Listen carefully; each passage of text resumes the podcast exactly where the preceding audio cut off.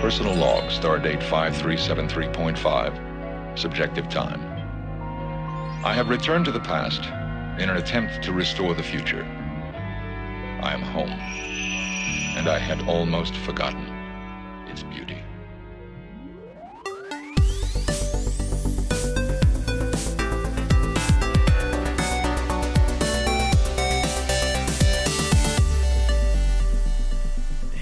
Välkomna till Fulkultur nummer 12.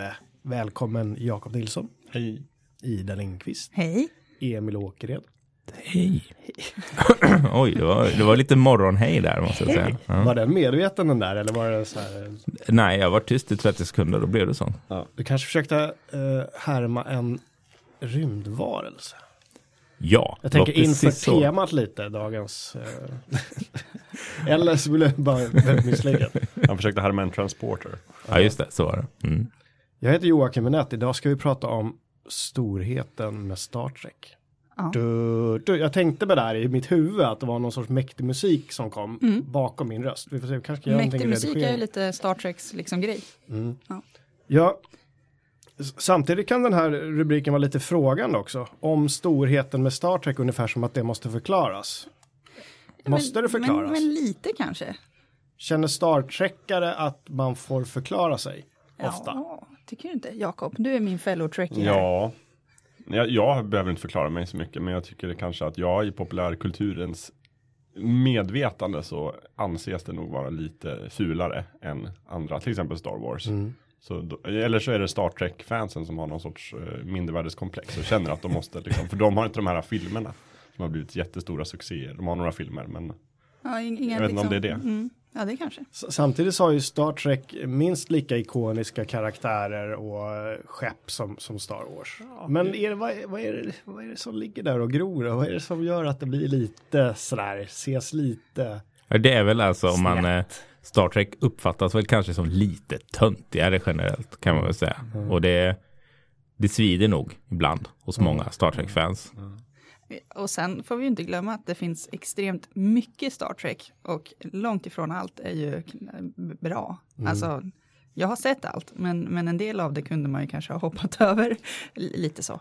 Eh, och det säger jag med all kärlek. Eh, men, men allt var inte superbra liksom. Det är ju kanske lättare om vi tittar på typ Star Wars eller något sånt där. Man ska göra de här filmerna och det, det är liksom en, en bit bara, så här. inte sju säsonger av något som ska vara intressant i, i alla avsnitt. Det är kanske svårare att, få, att få ihop det hela vägen.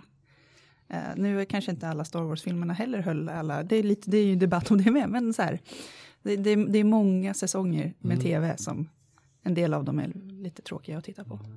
Och nu, och nu gör vi det igen på något sätt. Vi börjar det här programmet i en, nästan en liten defensiv anda. I Star Wars-programmet då började vi med att vi stod, på, stod på bordet och slogs med ljussablar och skrek. Nästan så var det i alla fall. Medan nu säger men det var lite ditt fel. Det var väldigt mycket mitt fel. Jag, jag, Men- kände det. Men jag nu. tror att det beror, min teori är att det beror mycket på att det heter Star båda två, Star Trek och Star Wars. Och folk som inte alls bryr sig blandar ihop dem för att båda är rymden, båda rymdskepp, det måste vara samma sak. Mm. Och då blir, tror jag, eh, Trek-fansen blir lite besvikna Mm. när de liksom blandas ihop med de här, Men, sk- ja förlåt. den här Star Wars-fansen som ändå är lite bredare kanske, lite mer folkligt. Men ska man, vara, väldigt unga. Ja, ska man vara krass så var ju Star Trek först liksom. oh ja. Eller hur? Jag menar sex, vi snackar 60-talet och första Star Wars-filmen kom 79, 78? Ja, Jag vill säga någonstans där. 79. 79 skulle jag också säga. Och de var ju, på 60-talet, de var ju väldigt långt framme. De hade ju mörkhyade skådespelerskor med på tv. Det var, alltså det var, det var inte för att det syntes så mycket svartvitt, men, men det var bara liksom, de gjorde mycket framåt grejer tidigt. Eh, så det är fränt, om man tittar tillbaka på det rent ur, ur ett samhällsperspektiv. Liksom. Ska vi, ska vi gå igenom lite grann? Eh, jag, ingen, jag kan lite Star Trek, jag har mina favoriter, men den här kronologin har jag lite problem med. Men om vi kan gå igenom lite grann för alla som lyssnar, hur det började, lite vilka serier det finns. Alla filmerna kanske vi inte behöver gå in på nu, det kan vi ta sen, men just tv-serierna, för det var ju faktiskt där det började, eller hur? Ja. Och det började då, rätta mig om jag fel nu, är det 66 eller 60? Ja, Alla rycker på axlarna. Vi säger, vi säger att det var i mitten på 60-talet i Jag alla fall som började med, 66. med Star Trek. Och då hette det bara Star Trek och det som senare kommer kallas The Original Series. Ja. Men Star uppenbara Trek, Star. Trek. Eller hur? Och numera förkortas alla det till TOS, TOS. The Original Det- Series. TOS. Ja. Inte THS. Nej, nej, O. är Original. The Original Series. Ja. Ja, de var först. Mm. Eh, men rent om man ska placera allt det här enligt stjärndatum så är de inte först. Men, men den, det sändes först. Okej. Och eh, blev tre säsonger. Tre säsonger. Sen la de ner det. Eh, lite hastigt och lustigt Mm. säkert. De brukar göra sånt. Men där har vi ju då ikonerna eh, William Shatner som spelar Captain Kirk. Och Leonard Nimoy som spelar Spock, min Spock. Och det är ju det är ändå de två på något sätt som, som är ansiktet. Ja, och För Star Trek. du får inte glömma den viktiga Bones också. Läkaren, han är också med. Aha. De är som en trio. Ja, Och Scott är också. Ja. Viktig. Ja, Beam me up Scott. Jo, Ja. men om du Men skulle Scott- fråga någon som inte kan Star Trek så skulle de ju säga åh, han med öronen Ja. och Ja. visst. Shatner. Absolut. Ja. Mm, ja, absolut. Och de, de här karaktärerna lev, lever ju också vidare nu i de här nya filmerna som vi inte ska prata om idag utan eh, vi ska ju prata om då Star Trek, Ja. inte kommer sen Star Trek. Riktiga Star Trek. Ja, Riktiga. Star Trek. Jo men det visar ju deras storhet att de fick liksom, eh, jag menar, Kirk, unge Kirk då i den här nya. Precis. Nej men de, de, de gjorde väl, alltså man, idag kan man inte titta på den här 60-talsserien med, med kanske riktigt lika stor behållning för att, för att den, den har inte helt överlevt till min eh, liksom HD-TV, den har inte det. Men, men eh, de hade ju, de, de hade karisma, de, de syntes och tog plats i rutan och de gjorde liksom, det var, det var bra tv. Eh, Mycket i alla fall, kanske inte exakt alla avsnitt, men mycket var väldigt så här. Kirk, han är en, han, de, de överspelade rätt mycket kan man väl säga, men det blir, det blir, det blir bra på något sätt när man eh, är i rymden. Ingen av oss var ju ung på 60-talet och inte tillräckligt ung på 70-talet för att komma ihåg sånt här. Men kan ni, om vi, om vi gissar, om vi tjej och killgissar lite grann. Eh, var Star Trek då för ungdomar lika stort som Star Wars blev i slutet på 70-talet, början på 80-talet? Det måste, jag menar, det måste ha känts ganska nytt och fräscht. Det kändes det campy och töntigt då, eller? Jag tror det kändes väldigt fräscht, men det var ju, alltså när serien gick först så var den ju inte super, super populär. Nej. Den hade sina fans, men den var ju, den var ju nedlagd och den var inte så här, det var inte en publiksuccé. Utan det är först efteråt som den har vuxit och blivit den här kultsuccén. Så det började komma in liksom så här brevskrivarkampanjer att de skulle återuppliva den och att den skulle komma tillbaka. Så det var väl egentligen efter att den hade slutat gott. Okej. Under 70-talet och sen kom ju de här liksom filmerna och nya serier. Och, Så det var lite missförstådd av samtiden. Ja, jag jag, har ingen uppfattning om hur många som tittade, men det är Mm. vad jag har hört i alla fall. Att det var inte en, en, en hit på en gång. Som Star Wars blev till exempel när den kom på bio. Men först hade vi The Original Series. Sen kom det en tecknad serie The också. Animated series. Ja, Som jag bara har sett bilder av. Jag har aldrig sett något. Och det kanske är lika bra. Väldigt sparsmakat med animation, så det är nästan bara stillbilder som den visar. Men jag tycker mycket om den. Men den, den serien följde det gänget från den första Ja, det serien. är samma, det är egentligen en Ja. direkt fortsättning. Mm. Och är väl oftast anses väl vara det mesta i kanon. En del är lite så här tokigt som Hur, de har eh, bortser. hur många säsonger blev det? Det var, jag tror bara det var en säsong. Ja. Så det är lite, nästan säsong fyra på liksom Mm. Det. Enterprise, femåriga resa. Och sen hade vi en, en lucka i tiden där och sen kom då The Next Generation sen eller? Ja, Det var väl skiftet mellan 80 och 90-talet precis. Mm. Och Med, med Captain Picard Mhm. som eh, stående vid rodret skulle man kunna säga. ja. han dricker te, det är viktigt. Mm. Varmt te. Ja, just det. Earl Grey. Ja, men han är ju en eh, fantastisk kontrast då till Kirk som var före honom kan man säga. Alltså, Han är ju lugn och diplomatisk och hånglar inte med alienbrudar hela tiden. Och liksom, ja, så här, mera vuxen. Lite mer brittisk i sin framtoning. Mm. Medan uh, Shatner var lite mer sl en slugger liksom, Ja. kan man säga, eller hur? Ja. Som behövde Nimoy för att hålla ner honom på jorden lite, eller? Lite, ja, visst. Ja, det är det intrycket jag har fått. Så. Picard, han, är, han blir ju lite mer, han är lite mer en sorts, nästan en fadersgestalt eh, och, och har, eh, han, han får just Mm. istället vara förebilden till, till alla andra på, på Enterprise. Mm. Och han blir, ju det, han blir ju det mer och mer också. Ja. Ju serien går. Mm. Eh, Men är det samma skepp de är på? De är på, fortfarande heter det Enterprise, men det är en ny version. De, Ja. de hette ju NC18 och Ja, det är väl det de är uppe i. Till och sen får den en bokstav. Och, och eh, Next Generation-skeppet är D. Mm. För där har jag förstått det är minst lika viktigt som att kunna huvudpersonerna. Du vet liksom skeppen och ha koll på dem. Ja. Liksom. Ja, Ja, och vilken de- klass det är och Ja, sådär. Precis, och så byter de, de byter ju utseende. Det här 60-talsskeppet ser inte alls likadant ut som Enterprise D. Eh, så de, de är väldigt stor skillnad på. Eh, och eh, de kraschar väl och har sönder lite skepp här och var. Och då kan de bygga ett nytt likadant. Men sen liksom, byter de bokstav och så är det, då har de moderniserat det. Det brukar oftast lite. lämpligt nog gå sönder i filmerna. Ja, ja. Ja, att bygga nya. det brukar vara så. Undrar varför. ja, det är konstigt. vad, kan, vad kan man säga mer om, om Next Generation? Vad satte den för avtryck? Den serien. Det var också, har jag fått för mig, en sån här serie som växte. De första säsongerna anses inte vara jättebra. Inte av mig till exempel. Eh, och, för det men- var, från början hade de tänkt att de skulle göra en direkt fortsättning på 70-talet. Av liksom gamla originalserien. Som skulle heta Star Trek Phase 2. Nu blev det ingen sån, utan det blev den här motion picture istället. Långfilmen. Så de återanvände ganska mycket manus första säsongen. Som låg, hade de legat liggande där i Paramounts byrålådor. Det, det roligaste är väl att folk brukar säga att man ska inte börja titta på Next Generation förrän eh, eh, Riker får skägg. Ja, ja men det stämmer. Bra tumregel faktiskt. Men det var väl så också att eh, det var, de var väldigt oense, manusförfattarna och de som jobbade med serien när de gjorde TNG, vad de ville göra med det.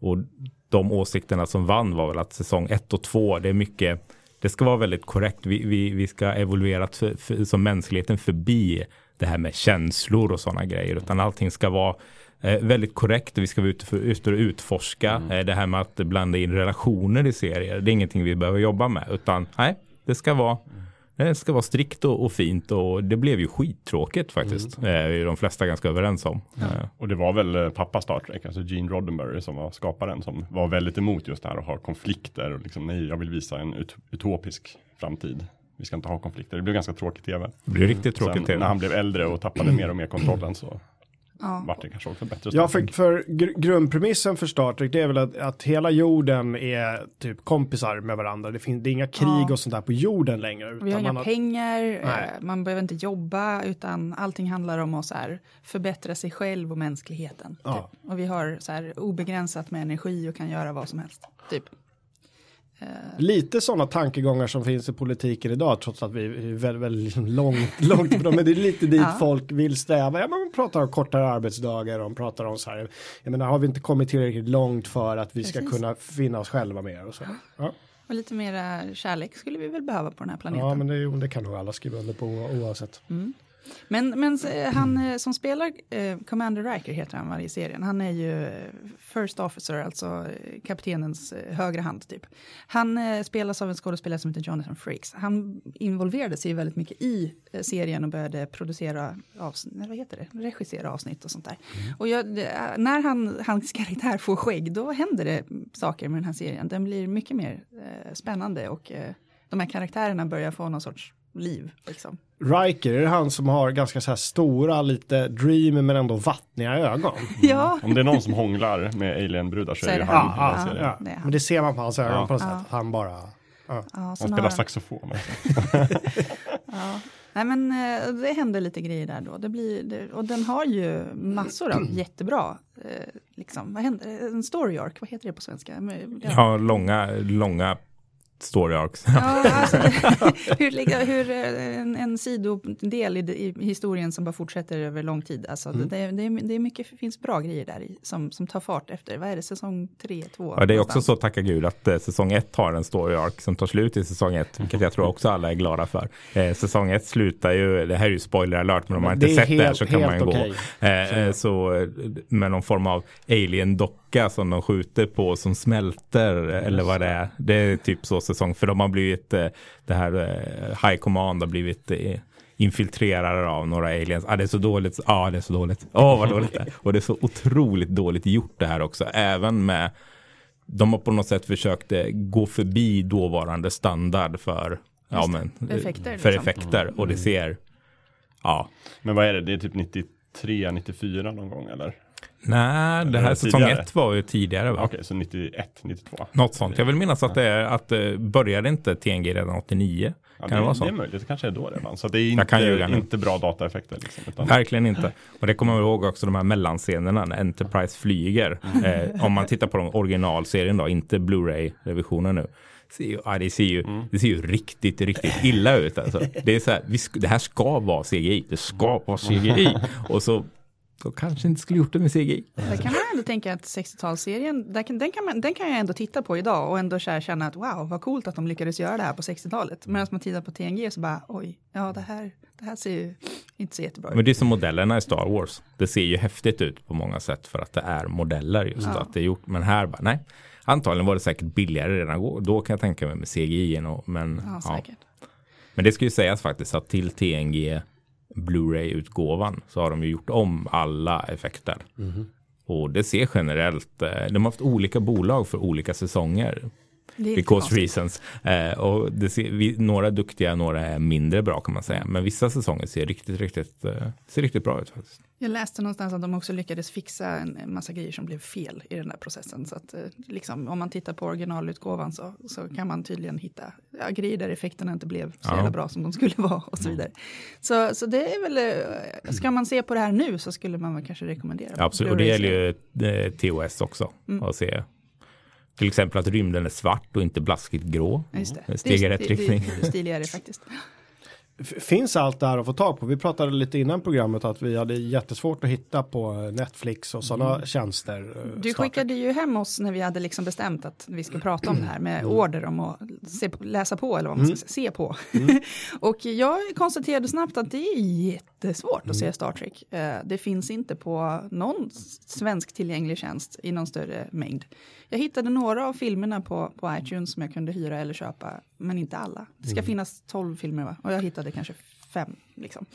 Eh, Men, men bor man i USA verkar det vara jättelätt att titta på. Amerikanska Netflix har alla serier säger jag nu. Ja, och, Kanske och ljuger, men jag tror hade det. också det om man ville köra där igenom. Så att det fanns, eh, ja det är konstigt, jättekonstigt. Sen Ja. finns den ju tillgänglig på fysisk media om man vill vara lite Ja. le- retro så. DVD finns ju alla säsonger och alla filmer. Och Precis, men- några finns på Blu-ray också. Men, men det där är ju svårt liksom. Jag menar, jag har, jag har ingen DVD-spelare hemma längre. Liksom. Vad, vad, vad ska jag, jag rippade ju mina skivor för flera år sedan för att jag såg trenden. Men och sen liksom en sån grej, då ska man gå och köpa den här boxen. Så de kostar, eller ja, de, säljer väl serie för serie i boxar ibland. Och de kostar en förmögenhet också. Så man bara oj, jaha, ja, det, det är knepigt. Nej, men eh, så det är väl lite tråkigt att det är svårt att se helt enkelt när man andan faller på. Ja. Eh, efter The Next Generation, vad kom då? Det var medan den fortfarande gick så började de med en till serie som heter Deep Space Nine. Som jag tror är din favorit. En liten, en liten, kan man kalla den för en spin-off? Ja, det kan Ja. man verkligen göra. Och och sen, nu går jag händelserna lite för men Voyager började väl också någonstans där i närheten, eller hur? Ja, det De- var efter. När, när. Next Generation slutade så fortsatte Deep Space Nine. Och då Ja, började Voyager just istället. Så just det var alltid Ja. två stycken De serier som gick samtidigt. parallellt. Ja, ja, Deep Space Nine, sk- skillnaden mot de andra serierna är att det här utspelar sig på en rymdstation istället. Ja. Som snurrar runt där och det Den är- händer inte så mycket. Den är satt att bevaka ett sånt här äh, maskhål heter det kanske på Jaha. svenska.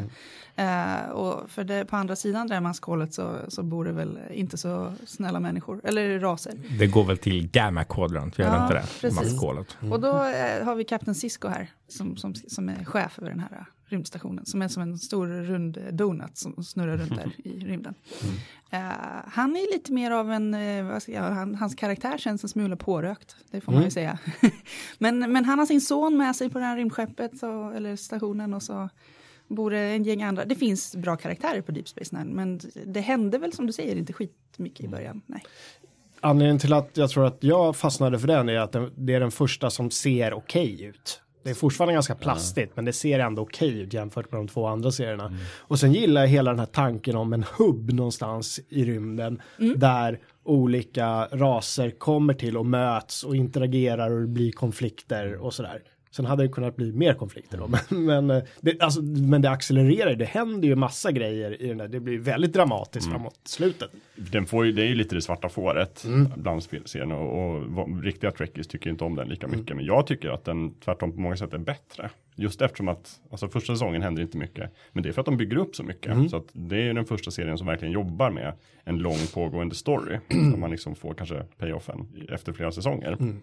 Det gör ju inte de andra, utan där är det ju mera så här fristående avsnitt. Och det finns någon sorts bakgrundsstory. Men i princip så är äventyret till slut i slutet av avsnittet. Mm. Och så är det inte i Deep Space Nine. Plus också att deras beslut de tar och allting som händer i avsnitten kommer ju tillbaka hela tiden och de får ju skit för det. De kan inte bara lösa problemet och sen åka vidare till nästa planet. Precis. Utan problemen finns kvar. Så på det sättet är den ju mycket mer realistisk. De hänger ju upp väldigt mycket på relationerna och karaktärerna i Mm. den serien. De får bära så att säga hela.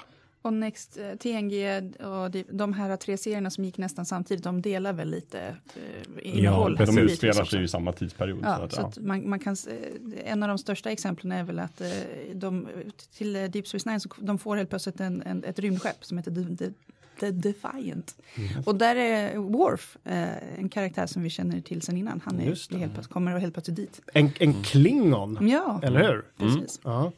Sen finns ju han, eh, Dr. Julian Bashir där också, som var lite, lite såhär dreamy Ja. doktor. Som också var med på något skepp i någon annan serie eller film. Ja, var han där? Kanske. Ja, jag, det, jag har läst någonting om det, men jag kommer inte ihåg vilken. Men han, han fick en, liksom en hel roll där och han blev ju väldigt Och populär. Brian blev ju också eh, main character i Deep Space Nine. Och han var ju teleportmannen i eh, TNG. Just det, det var hans jobb att trycka på knappen. Precis. S- Sen så introducerades ju, tror jag i alla fall, rätta mig om jag har fel, den här rasen Ferengi i Deep Space Nine. Har de varit med tidigare? De var med i kanske? TNG också. De var det? Var, Ja, de, mycket, var. var de framträdande där? eller? Mm, Nej, de var med lite och de var ju mer åt det onda hållet där. Mm. Eh, De blev mer nyanserade i Deep Space Nine än vad de var i Man, man kan säga att i i Next Generation så var tanken att Ferengi skulle bli en jättestor skurk som mm. ersätta Klingons som ju hade blivit allianspolare med federationen. Men det var väl i Deep Space Nine som de verkligen fick liv och blev liksom en utmejslad intressant ras. Ja, där är en av huvudkaraktärerna Ferengi och de, de, man får se deras barn och grejer liksom. Ja. Men de är ju sjukt giriga de här Ferengi och det är liksom, Allt handlar om pengar. ja men precis. Så att de säljer ut både den ena och den andra. Gold pressed latinum. Just det, viktigt. Ja, för, för ute i rymd, på rymdstationer, där behöver man fortfarande valuta. Hemma på jorden, där jobbar vi inte med sådana grejer. Men på, i, på rymdstationen, där jobbar vi med. En fråga bara. Eh, vad kom först? Babylon 5 eller Deep Space Nine? Det är ju, om man tänker på den stora story-arken så är det ganska likt. Det finns ju mycket elakt förtal där som det kanske finns en viss sanning i. Att eh, han Straczynski som skrev och berättade Babylon 5 eh, pitchade idén till Paramount först. Om att hej jag skulle vilja göra en sci-fi serie på en rymdstation. Och de bara nej, vi jobbar med Star Trek. Och sen så gjorde de en nästan likadan serie. Ja, för det går ju inte att förneka likheterna Mycket som finns likheter. mellan många, de här många två serierna. likheter. Nu när du säger det. Jag har, jag har inte tänkt på det så noga förut. För jag, tittade väl, jag tittade nog på Babylon när det gick på tv måste det ha gjort eh, någon gång. Och sen, Ja. Jag har liksom aldrig följt den serien så. Men nu när du säger det, det finns mycket likheter. Deep Space Nine är fint också för att det är väldigt mycket av handlingen som utspelar sig kring baren. De hänger väldigt mycket i baren där och snackar och, de, och det kommer in skummisar och det är lite, nästan lite så här det här gamla fantasy-tänket att allting cirkulerar kring ett värdshus Ja. dit folk kommer och det händer grejer och de möter och så ger de sig ut på äventyr. Ja, Det gillade jag och drack, de drack väldigt konstiga drycker. Märkliga färger. Varför är framtidsdrycker alltid så här illgröna? Ja, det är en jättekonstig Ja, det är viktigt. Det är romulansk öl. Ja. Ja. Sen, sen läste jag också i, inför det här avsnittet så kollade jag lite och tydligen och det hade jag helt missat för det här har jag gått och stört mig på jättelänge så får man i Deep Space Nine förklaringen till varför nästan alla raser i Star Trek-universet är humanoider. Och jag vet inte förklaringen men jag läste att förklaringen finns där så jag tänkte är det någon av er som vet det? För jag störde mig otroligt på det att alla ser ut som människor fast de har lustiga öron och lustiga färger och antenner. Och annan panna brukar de ofta ha. Ja. Eller vänta, jo nu kom jag på det. Tydligen så var det, så här var det. Det fanns en uråldrig ras för massa miljarder år sedan. Som av någon anledning ville att ja, deras gener eller någonting skulle spridas. Så de sköt ut sina genpoler till en mängd olika galaxer och så här planeter och i, ner i världshaven. Så att deras gener hamnar där. Så att alla liksom de här raserna har utvecklats från en och samma liksom grundgrej. Ja. Tydligen. Ja. Det håller väl? Ja, det håller eller hur? Ja, Men det, det- det är ju gulligt ändå att de försöker hitta på en förklaring till att det blir så campy att alla ser likadana ut. skönt sätt att slippa hålla på allt för mycket i, i sminkavdelningen. Ja, Liksom. men eller hur? Vi kan ha två ben och armar, det går bra. För annars är det det man tänker på mycket med Star Trek, att allting ser ut som områdena utanför Los Angeles och alla är humanoider. Just det, ja, precis. Ja. Men det här kunde ju även varit eh, Prometheus du beskrev nu. Kan Lite åt det hållet. det vet man inte. Det var Deep Space Nine. Vad, vad kom sen då? Var det inte Voyager som Jo, kom sen? precis. Min, min andra favorit måste Jaha, jag säga. Den har jag sett. Ja, jo, jag såg nog alla Deep Space Nine avsnitt, men Voyager såg jag alla. Och där har vi den första kvinnliga kaptenen. Ja. Captain Janeway, Catherine Janeway. Alltså det är ju lätt att tycka om Voyager tycker jag. Alltså bara hela, hela plotten, det här stackars rymdskeppet blir utkastade till en långt bort hörn av galaxen och ska försöka komma hem. Ja. Ja. man, man ömmar lite för dem redan från början ju. Vilken, vilken grej liksom. Eh, och sen som sagt är det en kvinnlig kapten och hon behöver väl också växa in i sin roll men jag tycker hon gör det ganska snabbt ändå. Hon är ju hård men rättvis Ja. skulle man kunna sammanfatta henne. som. Alltså det är väl nog generellt med alla Star Trek och kanske alla serier i allmänhet att första säsongen är ju inget vidare vad Voyager heller. Men sen, sen blir det mycket, mycket bättre. Ehm, Jag, jag vet inte vad skådespelerskan heter, men det är hon som spelar Red i Kate Orange is the Mulgrew. new Mulgrew. black. Den här supertuffa ryska kokerskan. Just det. Mm. Mm. En roll som hon gör ganska bra förutom eh, brytningen är inte så bra Nej. i... äh, mm. hon är även med i den lite udda sci-fi serien Warehouse 13. Jaha. Vet ni det? Eh, I Voyager, den, den blev ju inte så jättepoppis, uh, läste jag. Det, tydligen så var det så att den, de tappade massa tittare och så var de nära att skulle lägga ner. Men sen introducerade de en superpoppis karaktär. D- eh, Seven of Seven Nine. of Nine. Som är någon sorts sexig Borg. Ja. Eller Ja, det är lite konstigt Det, det är väl den första karaktären som är så här uttryckligen bara där för att vara snygg. Det måste Ja. ju nästan vara så. Mm. Och det är så Det- uppenbart också. Ja, Att ja, hon är- liksom i någon kroppstrumpa som är typ silverfärgad eller något. Och varför hon har en kroppstrumpa, vad det fyller för praktisk funktion, för det är väldigt viktigt i Star Trek-universumet. Det är väldigt oklart. Ja, det, det, det är eh, visst. Men de, eh, karaktären i sig är ju ganska cool. Det är synd att hon inte fick ha lite kläder på sig. Sam, samtidigt så fick hon väl sen, vad jag minns i alla fall, en, en ganska liksom, hon var med i nästan varenda avsnitt. Och Ja, ja. fick en ganska stor del av den övergripande handlingen också. Att mycket liksom koncentrerades runt henne, speciellt i den stora finalen, upplösningen. Ja, för det funkade ju liksom. Ja. Det blev ju, tittarsiffrorna gick ju upp och hon Ja. blev väldigt populär. Så Mm. att, sen, ja visst, de använde ju henne till en del intressanta stories. Sen.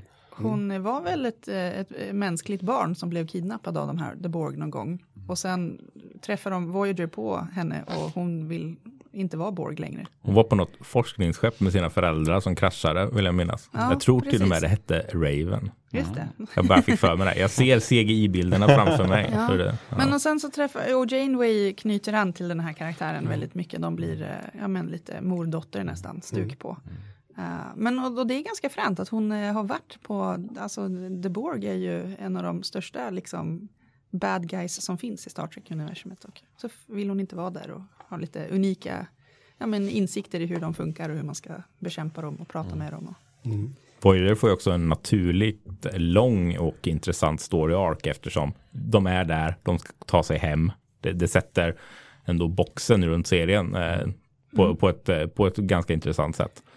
Eh, och jag, jag, vet inte, jag gillar också Voyager. Jag tycker det är bra. Det finns många bra eh, avsnitt där och det finns många bra längre story arcs och det händer mycket intressanta saker. Sen tycker jag väl kanske att slutet är under all kritik för att uttrycka det milt. Eh, det, det är riktigt, det, det är lite så här okej, vi har tre avsnitt på oss, nu ska vi ta slut på det här, vad gör vi? Och sen meltdown, lite åt det här hållet. lite åt det hållet. Sen då, vad kom efter Voyager? Eh, sen börjar vi om med en serie som heter Enterprise. eh, som utspelar sig före or- originalserien. Just Eh, vilket, eh, ja, det är lite konstigt, men så gjorde de.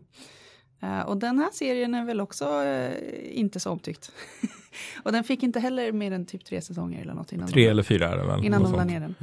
Men eh, här har vi, vad heter han? Jonathan Archer. Ja, Captain Archer och Mm. han har en liten hund med sig också, det är viktigt. Portos. Eh, det. och, och här är vi ju då eh, liksom ute och trevar i rymden fortfarande. Vi har- människornas första liksom steg. Ja, så att här finns det liksom inte så tydliga regler på vad man ska och inte ska göra. Så de gör mycket misstag och upptäcker efterhand att oj då, jaha, man kanske inte ska göra så här. Så, så den är lite, lite grövre i, i liksom, Hela Uni- United Federation of Planets finns ju inte då. nej. Utan de träffar många av de här raserna som de sen blir i allians med. Och om jag minns rätt är det Archers pappa va? Som eh, uppfann den första riktiga Ja, eh, det. stabila Warp Engine. Just det. Som Ja. de sen använder då, hans designer och bygger första Enterprise. Som det. han blir kapten på. Stämmer inte det? Jag Jo, menar han, att det är jag, så jag det vet inte om det är Ja. precis han som uppfinner det, men han har varit väldigt bidragande fall. Ja. För det är ju, de tar ju avstamp i den här Next Generation-filmen, First Contact, när de åker tillbaka i tiden Ja, och det. träffar Zephram Sa- Cochrane. Zephram Ja, det. Cochrane, som ju alla vet är liksom den som uppfann Warp Driven så, men sen tror jag att hans pappa har byggt. Ja, men jag tror han bygger den, första skeppet. riktiga Ja. eh, motorn så att Precis. säga. Som, På tal om pampig musik då, då så är det Enterprise-serien den med, med sämst pampig musik kan man säga. Här har vi helt plötsligt någon sorts eh, smörig ballad istället för eh, rymddramamusik i, i introt. Just det. Men bildmässigt är intro ganska snyggt. Jag får mig att jag i något tidigare avsnitt av Fullkultur så drog jag upp det och visade sig att jag hade helt fel. Det var en, eh, Jakob rättade mig, men det är ju i den serien som de här, man ser människans olika framsteg Ja. Ja, från just eh, liksom upp i luften med såna flaxande maskiner och sen Ja, just det. raketer och grejer. Ja. Så Så landar de på snyggt, månen och Men sen man musiken är, mm, är warp. Musiken är Ja. ju fruktansvärd. Men eh, jag, jag, jag råkade bara läsa, så här, de sjunger att, att det har varit It's been a long road, och någonting så här, from here, getting from here to there. Och så bara direkt börjar man höra den i huvudet bara. Det låter lite som sån här eh, amerikansk eh, fringe högermusik när det sitter någon eh, kille med gitarr så här Do you remember 9-11 the terror Lite det, det stuket på musik. Mm, ja, Ja, den, men, så men jag håller med om att själva introt är, är ganska stiligt. Sen en annan utmaning den serien hade var väl att den spelades in på typ 2000-talet men ska utspela sig före en serie som spelades in på 60-talet. Mm. Så att det är lite den här konstiga paradoxen att det är mycket mer modern teknik på många sätt Mm. fast ska vara mer primitivt. Ja. Så de, jag tycker de gör ett hyfsat jobb för att, med att få till den men det, är lite, det blir väldigt uppenbart ibland att det är en mycket mer nyare Och serie. serien har några karaktärer jag tycker väldigt mycket om. Så att jag, den, är, den är lite av en... Vilka är det? Jag gillar uh, Trip, den här uh, ingenjörssnubben. Han är ju det komiska elementet i den här serien. Och uh, skeppsläkaren, eh, han heter Flox va? ja, just det. Han gillar jag också. Han är också en alien va? Ja, han är en alien. Eh, Flox. Ja, vem var det som var Nej, var det Voyager som han Nilix var Just med? det. Men Just han, det, med han konstiga är ju hår. Han är någon kock. sorts kock Han är där kock, från början ja. och sen blir han lite allt möjligt. Eh, Men eh, Flox han är läkare och han har en massa konstiga djur och grejer i burar och så här. Det är Mm. väldigt konstig sickbay, väldigt levande sickbay. Eh, och han tycker jag väldigt mycket om. Mm. Så eh, de, de avsnitten där han får vara med mycket är kul. Sen är hon eh, T'Pol med där också. Ja, i, en eh, till sån här dam som bara, eller kvinna som bara är där för att Mm, vara lite åt det hållet. kvinnlig. Kroppstrumpa. Men hon är ju Vulkan i alla fall. Ja. Hon Men i, hon, i hon gillar också kroppsnära... Ja, det verkar vara modet som gäller. Och, och det är också då före de kom till insikt om saker. Så hon, de håller inte, hon håller inte på med mindmelds och sånt. Nej, just Eh, det. för det är olagligt va? Jaha. I början. Och sen kommer de på det. Jag kommer inte ihåg storyn. Men jag tror det är under, under Enterprise. Som de listar ut att det här kan man använda till något, något bra också. Eh, vill jag minnas. Ja, det kan man. Det var jättelänge sedan jag såg den där. Det finns ett Enterprise-avsnitt, eller det är ett dubbelavsnitt som jag tycker är ett av de bästa faktiskt. Och det är ju när de är i den här spegelvärlden. Det hela avsnittet utspelar sig i The Mirror Universe, som vi har fått se redan i originalserien. Där allting är liksom ont. Det goda är ont. Så att federationen är ett imperium.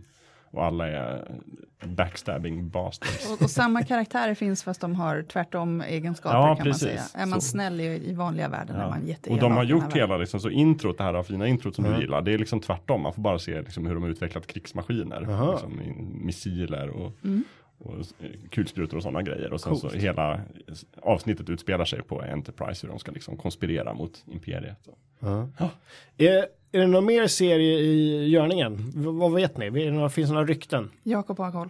Eh, det kommer en ny serie tydligen från Mm. CBS som kommer att gå typ på deras webbtjänst eller någonting. Det lät inte så lovande, I början. Jo men det är det nya nu. Eh, nästan. sen är väl planen att den kommer att finnas överallt. Ja, ja. Men jag vet inte hur många avsnitt, jag tror att det är lite så här begränsat, typ 13 avsnitt eller någonting. Vet Så du något som- om som handling, handling och så eller nej? Jag vet att den kommer utspela sig i, i den liksom gamla vanliga universumet, Mm. inte i det här nya parallella universumet som är i de nyaste filmerna. Eh, Och det här har ingenting med Renegades att göra. För det är ju någon Facebook-grej där de håller på och spelar in massa Star Trek. Mm, det är väl fans som Ja, håller på. precis. Nej, det här är officiellt. Ja. Men det är ju, de har ju fått med sig eh, några gamla skådisar till, till det här Renegades. men, men jag vet inte om det var menat att bli en film eller vad. Men det är något pågående projekt man kan följa på Facebook. Sen har vi ju, eh, jag vet inte om vi, det får nästan ni bestämma, det finns ju en drös filmer också. Hur viktiga är de i sammanhanget? Det är lite blandat skulle jag säga. Vissa av dem är, är ju viktiga och driver universum-storyn framåt. Och några av dem är faktiskt ganska bra. Ja. Eh, andra, Inte så bra. varken viktiga eller bra kanske man Den kan gamla, sammanfatta den det. gamla tumregeln var ju att det var ju alla med jämnt nummer som var bra. Och alla med udda nummer var dåliga. Här låter som Windows-versionen. Ja, det var lite så. Men sen så slutade det att gälla med typ Star Trek 10 eller någonting som var den sämsta. Så då De har föll 12 det liksom. filmer totalt. 12, som, som är, Hur många är. TOS och hur många är TNG? Sex stycken var ju gamla Ja, det originalbesättningen. kanske är lite hälften Ja, faktiskt. kanske. Men Emil, du kanske kan dra en av de där filmerna som du faktiskt tyckte var bra. Då? För att i Fullkultur så tipsar vi alltid, och nu har vi visserligen pratat om serierna, men vi vill ju gå in lite mer i detalj också och, och berätta för folk var de ska gå in och börja titta och lyfta fram höjdpunkter och så vidare. Och så har vi alltid länklister som vi delar med oss av där, där ni hittar poddarna. Här kommer det bara vara en, en rad för varje Star Trek-avsnitt. Det Ja. blir världens längsta lista. Ja, men men eh, jag gillar ju eh, Wrath of Khan. Vilken är det? Tvåan. Tvåan. det är den bästa Den är ju den är jättebra. Ja, den anses Eh, ju allmänt vara den bästa Ja. också. Det låter som Klingons. Eh, Nej. nej. Nej. Khan, han är en, eh, någon gång i vår mörka historia som fortfarande är i framtiden på riktigt så att säga. Ja, det är förvirrande. det här. Men eh, då började vi genmanipulera människor, vi skulle göra superhumans liksom. Och Khan är en sådan. Det Men, är eh, Eugenics War Och, han, och, han, och 1996. nu har han Roth, så han är arg. Han, eh, Han är- han han, är och missnöjd. några kumpaner blir väl nedfrysta och ivägskickade någonstans ut i rymden. Och sen snubblar någon över dem och väcker honom. Och det är inte så bra, för att man ska tydligen inte väcka Khan. Han, han är, det var, finns en anledning till varför vi frös ner honom. Eh, och han, är liksom, han blir ju snabbt Captain Kirks ja, ärkefiende. Liksom. De tycker inte om varandra. Han var ju med i ett avsnitt av originalserien. Där han liksom var Khan. Och sen så besegrade ju Kirk honom där. Och sen kom han tillbaka till den här filmen. Som hette Khans vrede på svenska. När jag Ja. hade spelat in den på VHS. Det låter liten. inte lika... Hans vrede. Men han var väldigt arg. Ja, Men det, det är actionfyllt och det, nej, men är, det är riktigt, riktigt bra. Så den kan man, alltså vill man inte se någonting annat av Star Trek skulle man ju nästan kunna bara se den filmen. ja, det är lite förvirrande med karaktärerna kan jag tänka mig. Men annars så. Mm, Ja, ja. Sen så gillar jag väl om man tar de TNG så eh, First Contact. eh, Ändå bra. Den tittade Eh. jag faktiskt på senast igår. Ja, den lägger ändå någon form av grund tycker jag till ja, hur universumet utvecklas framåt. Eh, Den är lite ostig, men det är ju, det är ju å andra sidan. Handlar det, det, handlar det om vad det låter som? Första, liksom. Ja, de åker tillbaka i tiden då till, eh, till eh, Borg åker tillbaka i tiden för att eh, stoppa det här First Contact-tillfället när eh, Och det hände typ så här 2163 eller något sånt. Ja, konstigt. efter de här, efter tredje världskriget då, när eh, han, Saffron Cochran, sitter och eh, knopar ihop sin Warp Engine och så gör han sitt lilla skutt och så ser några Vulkans som råkar flyga förbi, ser det här då, så blir det First Contact och så händer allting. Och eh, Borg har kommit fram till att om de bara hoppar tillbaka och stoppar det här, då kommer Mänskligheten var... Precis, då kommer mänskligheten vara kvar på jorden och aldrig komma ut i rymden och då så kan de bara köra över dem sen. Inga problem. Den ikoniska bad guy, skurk, hive-mindet Borg. Alltså storylinen på det sättet är ju en smula, ja, inte, inget vidare. Det finns lite logiska luckor i den filmen. Eh, Kan man säga. Men eh, fler än tre. den är ganska underhållande. Ja, Men- ja, men, det- men, den, är, eh, den är ändå okej tycker jag. Det, De här Vulcans, de har ju varit ute i rymden mycket längre än mänskligheten vid det här laget och är mycket ja, mer utvecklade eller vad man ska säga. Och de, de tar inte kontakt med andra civilisationer som inte har förmågan att köra med warp speed i rymden. Och det, För då skulle inte de kunna hantera det, så Nej, tänker precis. Det, så det är då väntar de. Och så Ja, när de ser den här warp-signaturen i, i jordens, liksom, ja, runt omloppsbanan på något sätt, de kan se, åh, oh, här har det varit ett rymdskepp. Och så åker de ner och säger goddagens. Mhm. Eh, så det är ganska, f- ja men det är lite fint. Är det. jag försöker för, förgäves komma på vad de andra TNG-filmerna heter, men jag tror kaffet inte har kickat den. Nemesis finns, men... Den men första hette ju. Generation, så den skulle ju brygga över lite så här med Mellan- Captain Kirk och hans gäng Ja. och Picard och hans gäng. Så de träffas ju. Mm. Som att Kirk De träffas fastnar in i en tidsbubbla. Ja, precis. I någon sån här, eh, vad heter det? Nexus Men någonting. ja, Nexus någonting, Nebulous någonting. Nexus någonting. Ja, någonting, någonting. Och Men, Captain men visst är det där han blir dödad också? Ja. Ja. Och det är så hemskt. Det tycker jag inte om. Dödar honom på ett så dåligt sätt. Jag vill mena att Generations är ingen vidare. Ja, men Captain Kirk är så ostig också i den. Han är så fantastisk. Han är som, jag tror inte han bara överkropp och står och hugger ved och så ri- rider han på en häst. Och, Han är lite Putin. Det lät precis som Putin. ja. Oh, Gud. Härligt. Vilken är det som kommer sen och då? sen kommer First Contact. ja, Och just är det. Insurrection också en TNG? Den kommer efter Ja. den ja. Den är inte heller speciellt Den är bra. inte så bra. Och sen kommer eh, Nemesis. Jag hittade en lista som i princip konstaterar att, att det är bara First Contact som är sevärd av TNG-filmerna. Liksom, filmerna. Mm. Nemesis gjordes liksom lite för sent, eller hur? De, de är, det, det, det känns lite för... Men den är ja, bara lite för dålig. sen. Den är bara, då, Den är bara dålig. dålig. Ja, det finns faktiskt få behållningar i den. Förutom möjligen att CGI var helt okej redan. från början. Jag har lite problem också med Next Generation-filmerna för att jag tycker att alla karaktärerna blir helt andra karaktärer. Alltså Picard i serien är ju den här uh, tänkaren som, som söker en fredlig lösning och som är jättediplomatisk. Men i filmen så tvingas han liksom att bli en actionhjälte istället. Och Ja, det. Data som utvecklas jättemycket i tv-serien tar liksom 15 steg tillbaka och blir en dum robot igen så fort det är dags för en film. Det låter tycker som att det har varit någon producent in och petat där. Och Ja sagt men lite att, så här, men Data han måste vara den här karaktären som har svårt att förstå människor och Mm. liksom inte vet vad känslor är. Fast han har lärt sig det liksom under flera säsonger. Mhm. Så, så plötsligt vet han inte det längre när det är en film. Mm, ja, det är lite är dåligt. lite störande tycker jag. Men, men om man liksom aldrig har sett någon Star Trek och ska börja nu, då är, vill jag ju nog börja med liksom serien är ju det viktiga. Det är ju Ja, hjärtat absolut. i allt. Sen kan man, måste man nog inte se alla avsnitt. Även Nej, om, och ska man börja, man kan inte börja med den här 60-talsserien för då kommer man ju liksom bli bortskrämd kanske. Ja, och man ska Kanske. nog inte börja med första säsongen Next Generation heller. För då Nej. blir man också bortskrämd. Alltså det finns ju de här listorna faktiskt som är bra på riktigt med någon, eh, speciellt för TNG med de här, eh, de men har typ plockat de 25 ut. avsnitten du behöver Precis. se för att liksom. Jag tror det är sub 10 avsnitt på hela säsong 1 och 2. Ja. som, vi, är eh, typ. vi länkar till några av de listorna. Precis, det finns ju massa olika upplägg där. Men i princip går det ut på att de har plockat de avsnitten nu säsong 1 och 2 i TNG som ja, de, de är inget vidare tycker men jag. man måste se dem för att fatta Precis, för att få något sammanhang och för att introducera karaktärer. Eh, och så, några av dem är, är, är faktiskt genuint bra. Bland annat, när jag tror jag pratat om tidigare fulkultur, eh, Measure of a Man. Ja, eh, den är i säsong ett eller två. Och det är ett eh, genuint jättebra avsnitt. Eh, så det är med där på listan, bland annat. Och det är då Data ska eh, Ja, det- försvaras va? Precis, det, Ja. det ifrågasätts om han är levande eller inte helt enkelt. Ja. Ska vi gå vidare och lyfta fram våra eh, personliga favoriter verkligen? Det kan ju egentligen vara var som helst om ni vill lyfta fram en karaktär eller ett avsnitt eller Mm. någon film eller sån där. Ida, Oj, det är så ja, svårt. du, måste, du måste. Nej men jag tycker jättemycket om eh, de här eh, avsnitten med karaktären Q. Det har jag nog pratat om förut också. Han är ju någon sorts eh, gudliknande varelse som kan få vad som helst att hända. Och när han är med i ett avsnitt då vet man att det kommer hända grejer.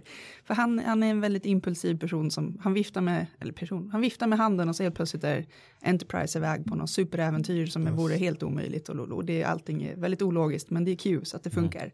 N- när han är inblandad då är det alltid mycket snack om det här time space Ja. continuum, eller hur? Ja, Precis. viktigt. Eh, och han, han vill ju, någonstans är han ju lite god känner jag, någonstans i, under allt elakt han hittar på. Men, men de avsnitten är väldigt bra och det, det finns, eh, och det är väl TNG nästan bara va? Eh, ja, han är väl med i Voyager också. Voyager, Just det. eh, Men not just Voyager, det. Ja. not DS9 avsnitt. Men Framförallt de flesta är ju TNG. Han Men- och men- Picard har ju sin relation. så att Precis, säga. den är, den är spec. Men, men de är väldigt bra.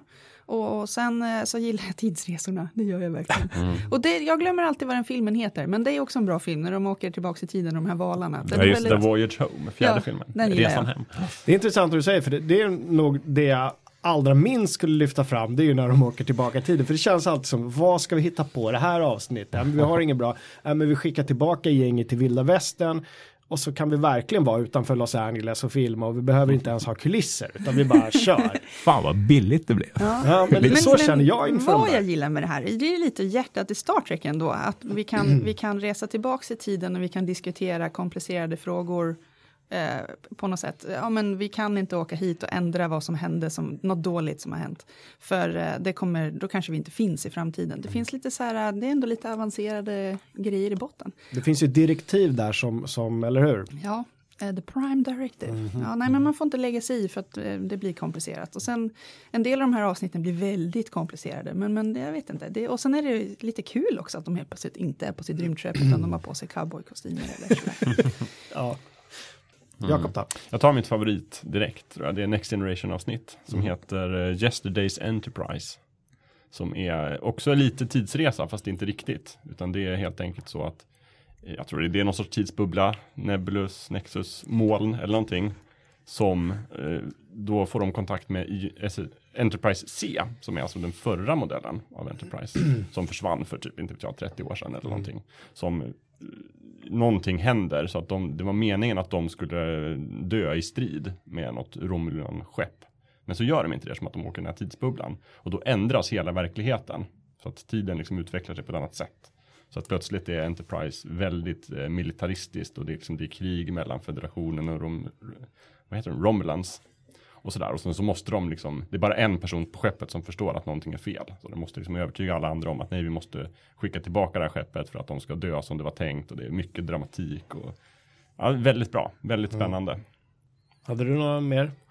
Alltså, eh, jag gillar det avsnittet som vi var inne på med Sheriff Man, men det är mest för att eh, de moraliska aspekterna det tar upp. Det är intressant och det känns som att det är någonstans där vi faktiskt kommer hamna på riktigt. eh, Den dagen vi utvecklar till exempel en AI som är självmedveten i någon mån. Ja, men okej, vad är det här nu? Vad, vad är det vi har gjort? Lite så. Eh, så det, det gillar jag, men i alla, annars som jag ska lyfta fram så, eh, ja men eh, Picard som karaktär eh, uppskattar jag verkligen. Eh, efter säsong två då och framåt. Nej, men jag, tycker eh, det, är en, det är en väldigt stabil karaktär och det känns väldigt moralisk högborg men ändå på något sätt att man kan relatera till. Och sen som avsnitt, jag gillar väldigt mycket avslutningen på TNG. Sista, eh, sista dubbelavsnittet där som heter All Good Things va? Ja, ja, tror jag det. Det är, det är nog del två. För det första heter något annat va? Ja, jag tror de Men- heter del 1 och del 2. Så, ja, något sånt. Men det är ett dubbelavsnitt i alla fall som Aha. avslutar TNG. och det tycker jag är det absolut bästa avslutet på någon av Star Trek-serierna. Eh, och på serier i allmänhet. Och sista scenerna, de gör det väldigt, väldigt snyggt. De knyter ihop det väldigt, väldigt snyggt. Och det är inte typ det här att det måste sluta med någon man kommer hem eller något exploderar eller vad som helst. Utan det bara, det bara slutar på ett väldigt bra sätt. Jag gillar allt som har med Borg att göra. Jag tycker, ja, men de är fantastiska skurkar för just för att de kanske inte är skurkar egentligen. För de är inte, de är inte ond-onda. Det är inte så att de sitter och tänker att haha, vi är onda, utan de vill ju bara att alla ska vara en del av deras stora fina gemenskap, eller hur? Alla ska uppnå perfektion. Ja, alla ska vara Borg och i deras, kan tänka mig, i deras sinnevärld så är det ju att vara god. Varför ska alla andra, även om de kanske inte uttrycker det så riktigt. Det finns inte plats för att tänka olika Nej. i, i, i Borg-världen. Precis. Det gör det inte. Nej, men jag tycker också Borg är coola. De har ju sina jättehäftiga gigantiska kuber de flyger runt med i galaxen. Och, Mm. nej, de är lite fräna, det är de. De sticker ju ut, Ja. onekligen. Sen finns ju human, de är ju humanoider på något sätt också. De tar ju, alltså de är både dator AI och liksom någon sorts varelse för de tar ju över eh, raser som de Ja. måste liksom blir någon sorts cyborg-grejer och ser allting väldigt grönt. Det, är finns är ett eh, bra Voyager-avsnitt där eh, Captain Janeway tvingas samarbeta med The Borg för de hittar en ännu värre fiende. Som är liksom deras gemensamma fiende. Jag skulle precis säga det, det är nog mitt favorit. Ja, Scorpion heter det. Det är väldigt bra. Det är också där de träffar på Seven of Nine tror jag. Det måste jag ha sett. men- Det är också John Rice Davis, alltså Gimli är med. Han spelar Gimli. Leonardo da Vinci som hologram. Åh, bara, bara en sån Ja, sak. Sen en, en annan favorit som jag har, och nu vet jag inte vad filmen eller serien heter, men det här, vi tog också upp det här i något annat fulkultur när vi snuddade vid det här. Det är att i slutet på någon ett avsnitt eller film så terraformar de liksom en hel, det är något, de har något device Mm. där de lyckas och så bara blir en hel planet bara helt grön. Precis, nu är det filmerna du är inne på. Ja, det är någon av Det är filmerna. Ja. tvåan, Mm. trean och Ja. fyran som de- Så, och det, det har satt sig, det är ju fantastiskt att man liksom har sån teknik att man bara kan liksom skapa Mm. liv. Nästan gudalikt hur de flyger runt och så. Ja, det, är, vä- det är vackert. Och så är det Mm. vacker musik har jag för mig. Och jag kände att det här vill jag inte ska ta slut. Mm. Mm. Jag vill veta mer, jag vill att de ska terraforma varandra, hela universum tänkte jag. I Star Trek 2 får man ju se också, de har gjort en väldigt påkostad datoranimation om hur den här Genesis-effekten som den heter Ja, det är så den heter. funkar. Heter det Genesis Device också? Ja, precis. ja. Och Den var så eh, snygg tyckte jag när jag var liten, just den här liksom, när de visar datoranimerat hur en planet terraformas. Mm. Sen återanvänder de ju den filmen, sekvensen, i både i, i trean och fyran också. De har gjort en dyr sekvens. Ja, det var använda. vi visa upp. Eh, jag- var inne lite kort på att jag gillat slutet i, eh, i TNG väldigt mycket. Och vi var inne innan på att eh, slutet i Voyager är sådär. Slutet i Enterprise. Eh, det är ju kanske sämsta om man ska. Och, det går väl ut på i princip att det är Jonathan Frakes som står där och att hela Enterprise bara har varit att han har tittat på ett hologram på holodeck eh, i princip. det. för att då återuppleva hur eh, Federation of Planets skapades inför att han ska gå och hålla någon form av tal, anförande, whatever. Alltså det, det minimerar hela den här serien och alla karaktärerna till ett ja, tre säsongers hologram i Allt, princip. ja, men det är lite som duschscenen i Dallas. Det är lite Ja, motsvarigheten, eller hur? Ja, f- usch, fruktansvärt Ja, det. ja, det, det är verkligen, ja, det är, ja, Ingen tror jag blev nöjd. Ingen, inte de som inte gillade Enterprise och inte de som gillade Enterprise. Nej. Alla blev sura. Ja, och, och det var typ så här, nu ska vi rädda serien för nu vill vi få in lite TNG här så att alla Ja. känner att det här var värt det. Och det bara nej. Och jag tror Jonathan Frakes själv har sagt va, i någon, eh, in på någon sån här Comic Con motsvarande grej, att det här är så dumt så klockorna stannar. Men för han, eh, ja. Ja. Men det är, de är självkritiska, det är i alla fall bra. Ja. Liksom kan erkänna att inte allt var perfekt. eh, vad var det jag skulle säga? Jo, jag måste slå ett stort slag för, för den holografiska doktorn också. De avsnitten är också fantastiskt bra. Han, eh, det är Voyager va? Ja, de, de blir av med sin läkare på något sätt, eller har i alla fall Han dör läkare. i samband med det här. Eh, Ja, och då debaclet. kommer Enterprise med någon inbyggd, ett inbyggt hologram som har en massa medicinsk kunskap. Och sen under liksom resans gång så utvecklar han en, en personlighet som är helt fantastisk. Just det, det är han lite skallige Ja. eh, mannen ja. Från början är han ju väldigt dum och liksom, Ja. när man kommer in i sickbay så kan han bara ge, ge diagnos på något sätt. Men sen blir han ju en människa. I något avsnitt då vill han till och med flytta från Enterprise och så blir han operastjärna någonstans. Och så.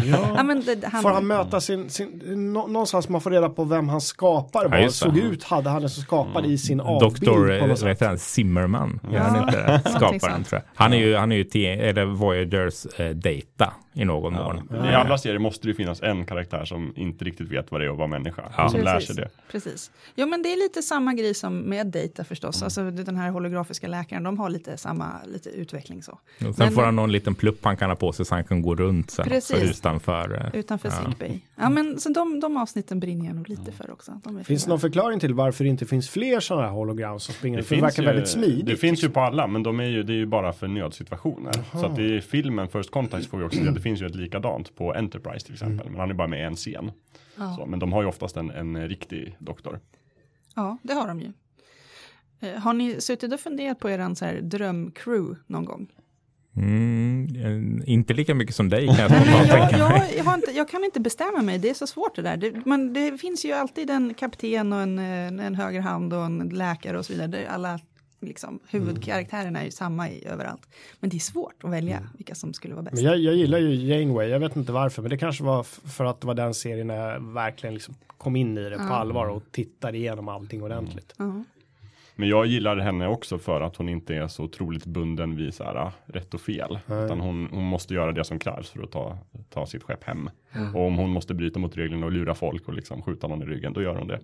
Det tycker jag är Det är inte, skönt. det är inte så svartvitt. Nej, Nej, det är rätt att hon är, det, det, Voyager är lite mer gråzon på det sättet. Så, eh, på ett ganska bra sätt jämfört med de andra. Du, du nämnde Worf förut, var det du Ida som sa det? Ja. Mm. Gillar du honom? Ja, d- eh, han är ju eh, den enda Klingon-karaktären som man lär känna på något sätt så. Han är, är ju en eh, sån här tactical officer, någon sorts, eh, han står och trycker på torpedoknapparna. Han är en snäll klingon. Ja, ganska. Ja. Eh, så han är men han är ju, man kan inte, han har inte några sådana här långa smarta dialoger eller något, utan han är ju med när det liksom ska slåss lite grann och ja, så. ganska kortfattad. Ja, Men man han- kan inte lita på Worf. För att Ja, det han kan ställer man upp. verkligen ja. göra. liksom. Han har ju också då någon sån här eh, sidostory-arken med honom, med hans son Alexander. Och de avsnitten är ju inte bra alltså. Det är de Alexander, han går ju inte. från att inte finnas till att vara typ fem år gammal på typ så här jättekort Ja. tid. Och, Men nej, man ska ju inte ha med barn i tv. Det, har Nej, det ju, är det är inte bra med Wesley Crusher, det är inte bra med, Nej, med usch. Jake Sisko. Det är Wesley inte, Crusher.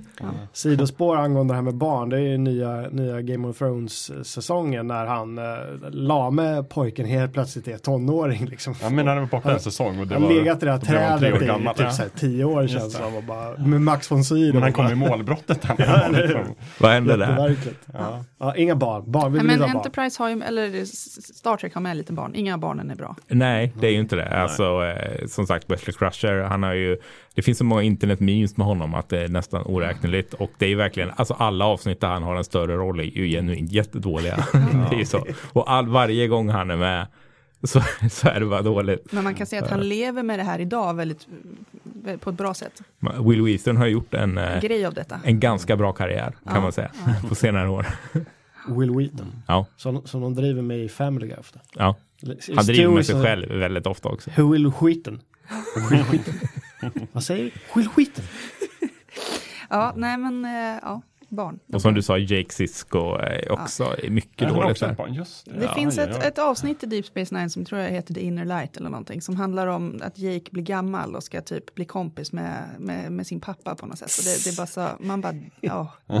En del säger att det här är det bästa som gjordes i typ Deep Space Nine. Jag är lite mer, oj, eh, det här var konstigt. Trainwreck. Ja, lite, lite så. Det förhandlar alldeles för mycket om att han sitter där och är, med, liksom, och är vuxen och pillar sig själv i naveln och funderar på vad som har varit. Typ. Hur är det i Voyager då? Om de har kids. Det finns väl några barn som springer omkring där i Nilix är lite som ett barn mentalt. Ja, det är men-. Ja, men det finns, ju några, det finns väl flera barn i Voyager? Gör det verkligen De har ju varit borta så länge så det är massa ungar. Ja, ja det, folk föder barn Ja, i serien, det gör de. Men jag vet inte om de har någon direkt eh, framträdande roll på något sätt som de har i de andra serierna. Jag minns, vill minnas att det var något avsnitt, men det kanske var ett rymdbarn. Nej, Ja, oklart. Sen är ju hon Kess med som är väldigt liten fast Ja, stor, fast liten. Det är Ja, ju just det. Nilix lilla kärlek en stund. Ja. Kess med spetsiga öronen, Ja, som en det. liten alvflicka. Mm, Vad som lite hände så. med henne är ju ganska... Det är dramatiskt. Ja, speciellt. eh, konstigt. Ja, Det, ska vi, det kanske vi inte ska spoila. Nej, om man vill titta. Ja, om man vill titta. Hon är med ett tag. ja, Ja. ja. Ja, Det börjar dra ihop sig lite grann, känner jag. Men eh, det finns fortfarande lite tid kvar till att Ett verkligen... sista tips kanske. Ja, ett sista tips, Ja, ja. Deep Space Nine avsnitt. Ja. Eh, In the Pale Moonlight. Jag gillar ju som sagt Fin titel. Ja, jag gillar ju som sagt de här avsnitten när goda människor tvingas göra tvivelaktiga handlingar. Och hela det här avsnittet handlar ju om hur Cisco med, måste liksom ta till ganska fula knep för att, att dra in, jag tror det är Romulans i det här stora kriget mot eh, Dominion. Berätta lite snabbt om Rom- vilka Romulans är. Romulans är ju, det var ju inte klingonerna, klingonerna var huvudskurkarna i gamla serien. Romulans var lite näst största skurkarna. De är väl släktingar med Vulcans tror jag och ser ganska likadana ut. Men har inte det här logiska tänkandet utan är mera aggressiva. Eh, Och är ganska stora skurkar i Next Generation. Så de har ett, sitt stora stjärnimperium där. Och hela eh, Deep Space Nine handlar ju om det här stora kriget mot eh, Dominion som är maktfaktorn i gamma-kvadranten. Jakob, det är alltid lika härligt att lyssna Mm. Ja. på dig när du drar igång. Mm. Så då, eh, ja, men och då måste han liksom genom så här, fuska till sig kriget. För Dominion kommer genom det här ormhålet. Och eh, det är egentligen bara federationen och Klingons som står emot dem. De andra har liksom antingen ställt sig på deras sida eller är liksom, håller sig utanför kriget. Och då måste han liksom lura in Romulans i kriget. Så hela avsnittet är egentligen hans videodagbok där han liksom berättar om varför han gjorde det och, och varför han var tvungen till det liksom. Ja, det är ganska bra. Något vi inte har tagit upp alls är ju eh, Cardassians. Som är, är Också en skurkar. ganska intressant, ja men skurkar men ändå semi-nyanserade kan man väl säga. Eh, Det finns några mer åt det vänliga hållet eh, Cardassian-karaktärer. Bland annat i Deep Space Nine. Han, vad heter han? Han som är skräddare fast Garak. inte. Ja, just Ja, det. just Han gillar jag väldigt Ja, mycket. han är ju väldigt... Han är eh, någon sorts lönnmördare, är han inte? han är sorts spion, han är allt. Och han är, byter lojalitet som Ja. andra byter strumpor lite så. Nej men han är en väldigt eh, skön, en väldigt skön karaktär faktiskt, ganska Och glidig. sen har vi ju med Gold Ducat i Deep Ja, Space Nine ja. som också är en karaktär som växer väldigt mycket. En av mina favoriter. Ja. Mm. För han är ju verkligen inte snäll. Han är ju ond, fast Ja. har nyanser också. Ja, men Men, eh, visst, ja. Cardassians är, de är lite intressanta. De De är är ju någon sorts eh, ödleras nästan. De Ja, lite åt det hållet. De har en annan panna. kon- Väldigt konstig nacke ju. Ja.